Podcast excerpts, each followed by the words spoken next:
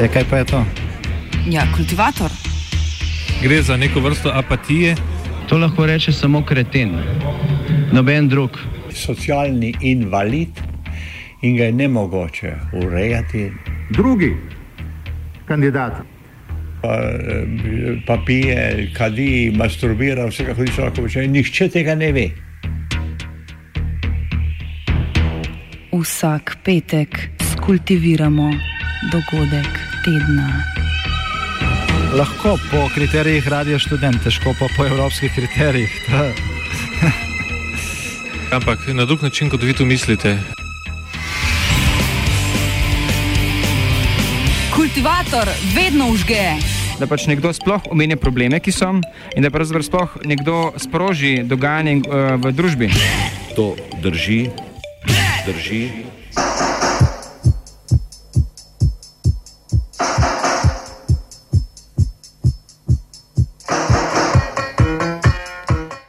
Deutsche Pare.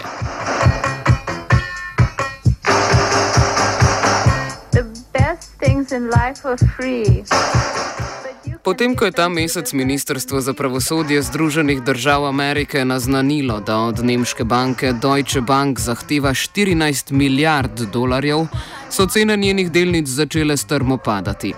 Razlog, da je pravosodno ministrstvo nemškim bankirjem ubrisalo to kazen, so nepravilnosti pri prodaji hipotečnih vrednostnih papirjev v času pred finančnim zlomom leta 2008. Zgodovina Deutsche Bank v ZDA je sicer kar pestra. Gre za eno redkih bank, ki že drugo leto zapored ni prestala stresnega testa ameriških regulatorjev. Zlom Deutsche Bank je sicer že dalj časa tema pogovorov v borznih krogih, v oči najbolj bode izpostavljenost tveganjem, ki izhajajo iz vrednostnih papirjev. Nemška banka ima namreč deleže v vrednostnih papirjih, katerih celotna vrednost naj bi mnogokrat presegla nemški bruto domači proizvod.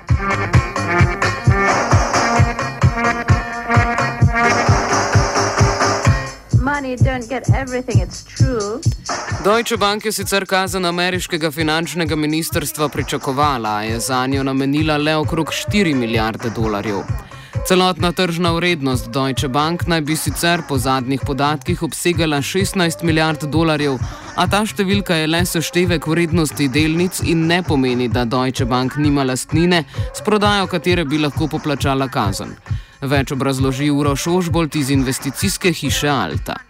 Zadnji šok je sledil, ko je pač ameriško pravosodno ministrstvo napovedalo to 14 milijardno kazen Deutsche Bank. V bistvu sama banka je pa za namen teh potencialnih kazni pripravljena na nek način oziroma dala na stran bistveno manj denarja. V bistvu ugotavlja se, da okolikor bi do tako velike kazni prišlo, da banka ne bi imela dovolj kapitala, kar pomeni posledično lahko tudi kolaps take banke. In v bistvu investitorji, kapital je zelo, v bistvu rekel, plaha ptica in se potem hitro odzove. In so pač ljudje, ki so udeleženi na trgu, predvsem tisti, ki se pač bavijo z oziroma lastniki teh delnic Deutsche Bank, hitro odreagirali in v bistvu začeli množično, mrzično prodajati delnice in to je potem povzročilo dejansko močan padec ne samo Deutsche Bank, ampak v bistvu tudi celotnega evropskega bančnega sektorja, ker kot sem rekel, v bistvu je zelo prepreden med sabo, tako Evropa kot tudi globalno in v bistvu padec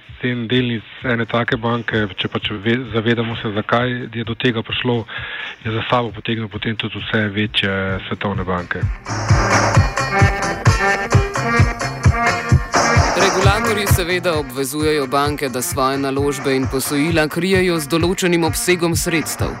Kako je prišlo do tega, da Deutsche Bank tega kritja ne premore, pove Jack Rasmus, politični ekonomist iz St. Mary's College v Kaliforniji. European banks in general, including uh, German banks, have been slow to develop their capital buffers. Uh, and uh, they're way behind what U.S. banks and other other banks have uh, been required to do by their central banks because Europe has had a weak central bank.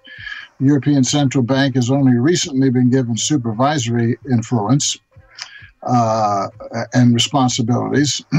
Therefore, uh, the excess debt uh, buildup and the bad loans in Europe have been allowed to sit on bank balance sheets for far too long.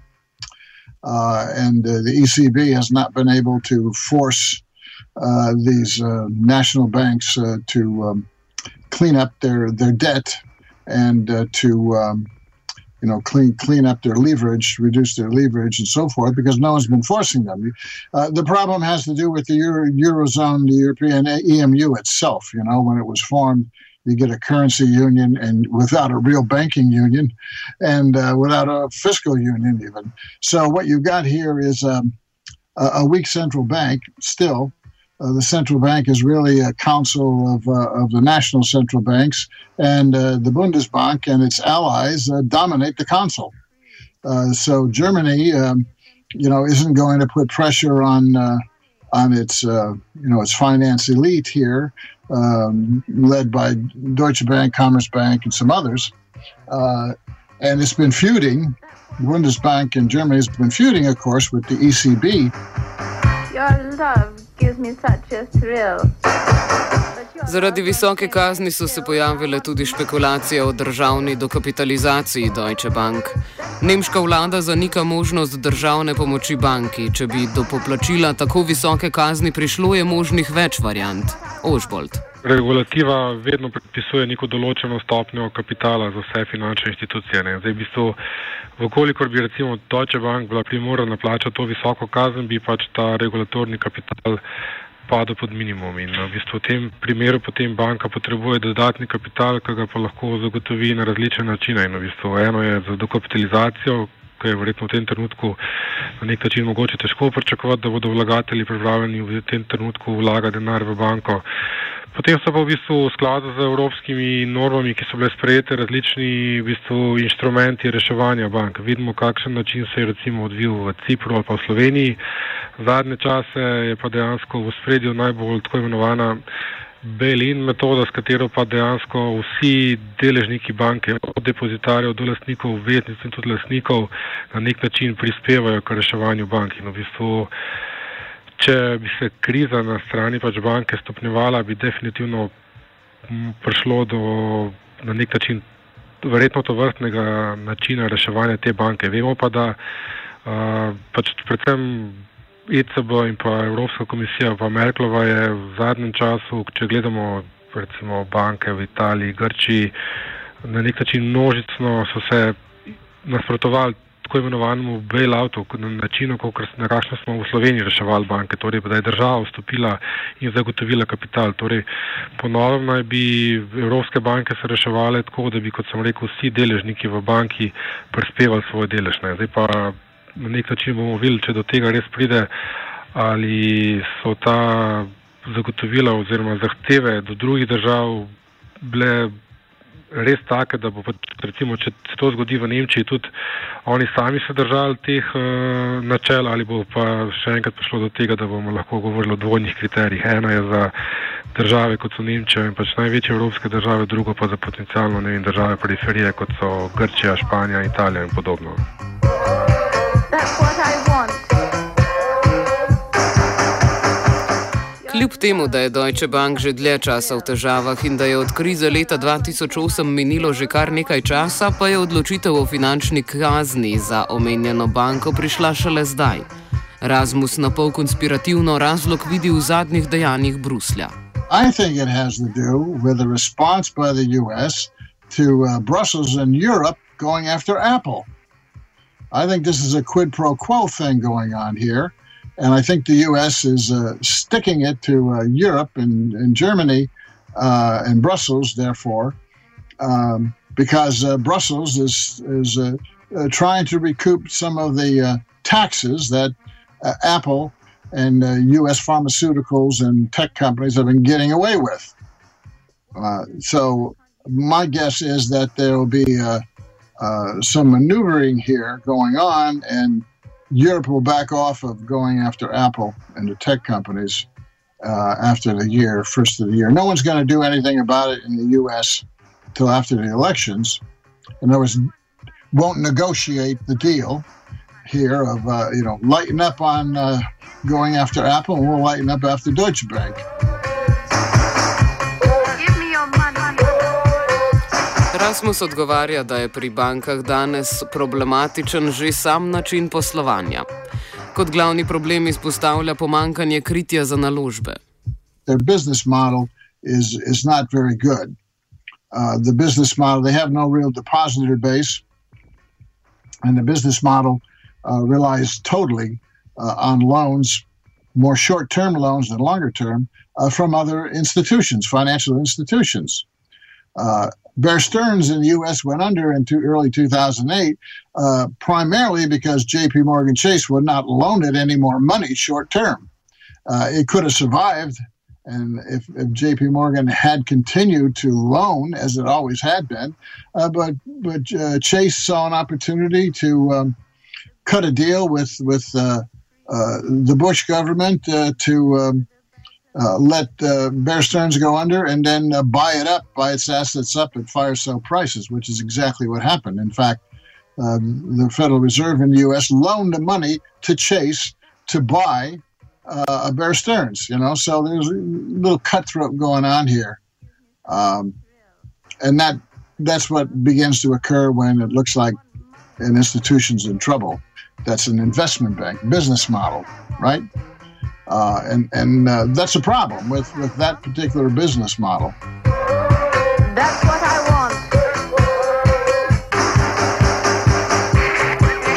Poleg kritja pa naj bi bila problematična tudi sama vsebina naložb. Gre namreč za obveznice in že prej omenjene izvedene finančne instrumente, vrednostne papirje. Uh, they haven't cleaned up their debt uh, and they got a big debt overhang now.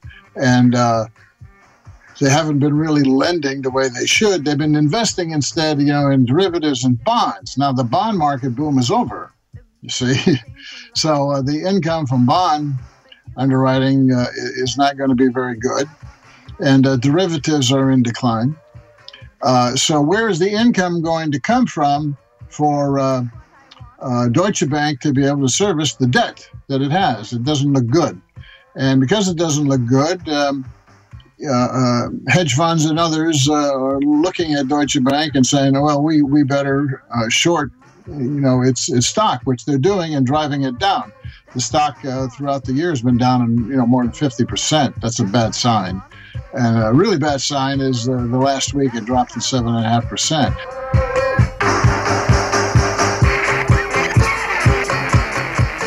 Delnice Deutsche Bank pa tudi ostalih evropskih bank sicer že dlje časa ustrajno padajo. Eden od razlogov za to so nizke obrestne mere. Slednje lahko razumemo tudi kot posledico pomankanja investicij, teh pa ni zaradi splošne šibkosti gospodarstva oziroma preniskega povpraševanja. Finančni svet sicer krivi negativne obrestne mere, ki jih uvaja Evropska centralna banka. Delnice večine v evropskih bank uh, padajo že kar nekaj časa, tako da v bistvu samo v letošnjem letu so marsikatere od njih izgubile tudi več deset odstotkov vrednosti. Uh, pač obvade se svojimi težavami še od krize leta 2008, velikimi izgubami iz tistega naslova, potem pač posledično tudi evropska dožniška kriza in zdaj zadnje čase nekje zadnji udarec bančnim bilanca in profitabilnosti zadala tudi sama ECB z negativnimi obrestnimi merami, ki je dejansko močno zajedajo profitabilnost bank. Torej pač banke imajo v tem trenutku težave ustvarjati donos in uh, ukoliko bodo te razmere, da pač nizke obrestne mere, oziroma celo negativne obrestne mere na trgu še trajale, bodo pisali te težave bank še večje, ker enostavno v tem trenutku ne morejo plasirati svoje sredstva v dovolj donosne različne finančne inštrumente in torej pač najedajo svoje bančne bilance z prostimi sredstvi in tudi v bistvu z nekimi zelo nizko donosnimi uh, naložbami.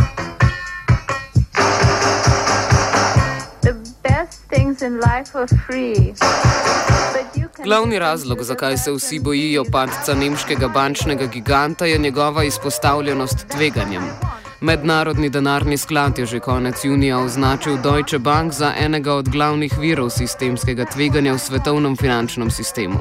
Kaj to pomeni, pojasni Ožbolt. Deutsche Bank večje sistemsko tveganje predstavlja zato, ker dejansko globalno upeta v praktično skoraj vsako finančno transakcijo. Ne? Zdaj, to veliko izpostavljenost do različnih derivativov je vezana neposredno na druge finančne institucije, pa tudi v bistvu na mnogo drugih gospodarskih in pač drugačnih subjektov. Tako da pač je na nek način pač posrednik med tistimi, ki te derivative potrebujejo zaščitenje in na drugi strani tistimi, ki pač te derivative ponujajo. Tako da uh, dejansko bi se zapletlo, kolikor bi na eni ali pa drugi strani prišlo do neizpolnitve obveznosti iz teh derivativov in kolikor bi se pač to stopnjevalo, lahko to dejansko povzroči nek globalni šok na tem področju, ker bi pač ti uh, udeleženci na trgu na nek način padali kot domine, ker bi prišlo do verižne neizpolnitve poslov iz teh finančnih inštrumentov in pač ker ima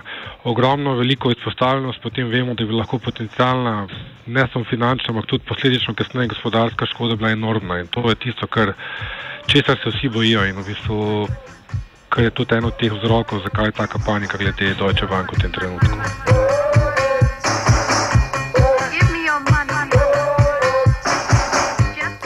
Finančno krizo leta 2008 so zakuhali predvsem derivati, ki so temeljili na nepremičninskem trgu. Na čem pa temeljijo derivati oziroma vrednostni papiri danes? Zelo različno. Tukaj gre lahko za v bistvu različne valutne obrestne zamenjave, ščitenje raznih uh, tem surovin in podobno. Tako da pač Deutsche Bank, globalni player, definitivno je udeležen na vseh teh različnih poslih. Tako da v bistvu ne moramo verjetno izpostaviti samo enega. Zdaj, primerjava Lemana, mislim, da je v tem trenutku bolj potem, da so vsi si zapomnili v bistvu ta šok, ki ga je pač propad Lemana povzročil. In v tem trenutku potem tudi panika posledično zaradi tega, ker se pa zavedajo, da ukolikor bi na nek način padla Deutsche Bank, da bi lahko implikacije padca take banke bile verjetno še bolj daljnosežne, imele v bistvu hujše posledice kot padec samega Lehman Brothersa, ker je v bistvu sama Deutsche Bank v tem trenutku predstavlja za svetovne finance bistveno večji in pomembnejši faktor. Torej bi pač verjetno tudi globalno lahko kasneje sledila gospodarska recesija, okoliko bi prišlo do propada take banke, ker kot sem rekel, bi to za sabo poteknilo verigo finančnih padcev, najprej bank, potem pa tudi drugih udeležencev, ki so v tej verigi upleteni. O povezanosti Deutsche Bank z drugimi finančnimi institucijami spregovori tudi Jack Rasmus. Oh, well, you know, all these banks hold each other's assets, you know, and, and uh, uh, provide uh, credit to each other. So they're, they're all linked. Uh, you know, it's a real, real spider web. Uh, and that's the problem of 21st century finance capital. It's, it's a global spider web. And you can't uh, have one default uh, without it having significant effects on the others that are uh, connected to it. You know, all the connections are unknown. You know, they don't don't really report this to each other, or, you know, to public authorities, but uh, we do know they're tightly interconnected. Uh, I don't know in what ways and to what uh, degree. Uh, you know, the other German banks are tied tied into Deutsche, but Deutsche is so big that I would be surprised if it wasn't significantly um, uh, tied into uh, you know and, and, who owns all the all the derivatives that uh, uh, Deutsche is holding? It's a little bit like AIG the big insurance company right? Holding most of the derivatives credit default swaps on uh, on the Lehman brothers you know? We didn't know that until Lehman collapsed and then the government takes a look and says whoa you know the bigger problem is AIG uh, somehow we we got to bail out AIG. We, we had to let Lehman Brothers go so we wouldn't have to bail them out, but now we have a bigger one we got to bail out, AIG. Well, you know, who are the other bigger ones? But you can give them to the birds and bees. I want money. Veliko se torej govori o sporednicah z banko Lehman Brothers in situacijo leta 2008. Ožbolt sicer miri in govori o državnem reševanju banke strani države po principu retorike too big to fail, ki smo jo lahko slišali že pred prejšnjo krizo. Kar precej panike se dejansko zganja glede Deutsche Bank, je pa res, da sami trgi, glede na to, kar se je recimo dogajalo leta 2008, niti niso še tako negativno odreagirali, ker na nek način verjamejo, da tu, če se zgodi nek najslabši scenarij, da bo pač nek model reševanja te banke predstavljen, ker enostavno vemo, da gre za praktično najbolj pomembno uh, svetovno investicijsko banko in tudi v bistvu najpomembnejšo nemško banko in da dejansko država kot je Nemčija verjetno ne bo spustila take banke v propad. No, pač vemo, da pa poleg Deutsche Bank pa tudi uh, druga nemška banka, Commerzbank, predvsej velike težave, tako da verjetno nas v naslednjih dneh, tednih čaka uh, še marsikaj zanimivega na tem področju. Dejstvo pa je to, da v bistvu ponavad banka propade takrat, ko se omaje zaupanje vseh tistih, ki z banko poslujejo in to bo ključno, da bi se, če bodo dejansko institucionalni investitorji in pa predvsem vlagatelji v banko uspeli ohraniti zaupanje in da dejansko denarja ne bodo odnašali oziroma umikali z Deutsche Bank, potem ima pač verjetno možnosti, da preživi, seveda lahko tudi s kakšnim povečanjem kapitala. Če se pa to zaupanje omaje, pa v bistvu lahko pod banke navzdol predvsej hitro in se ta zgodba lahko odvije parih tednih, mogoče celo parih dneh.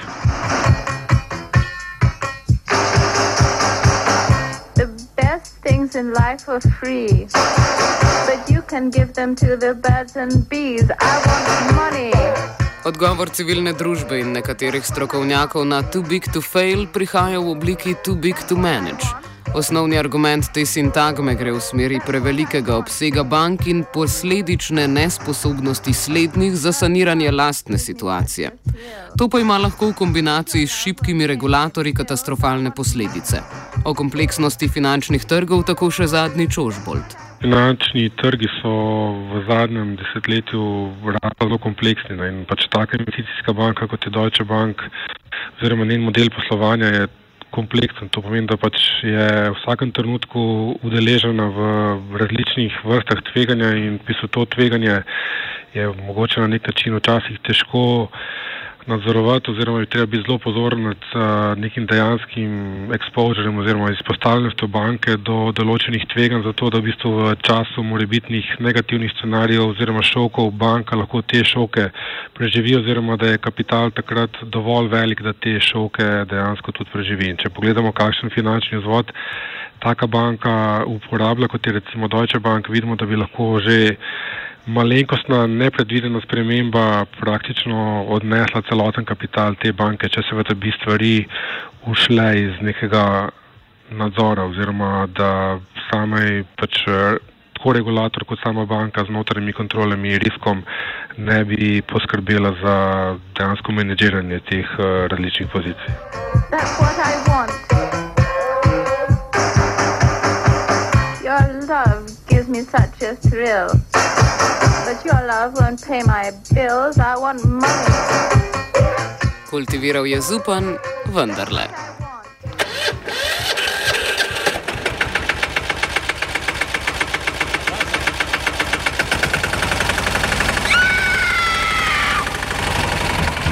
E, kaj pa je to? Ja, kultivator.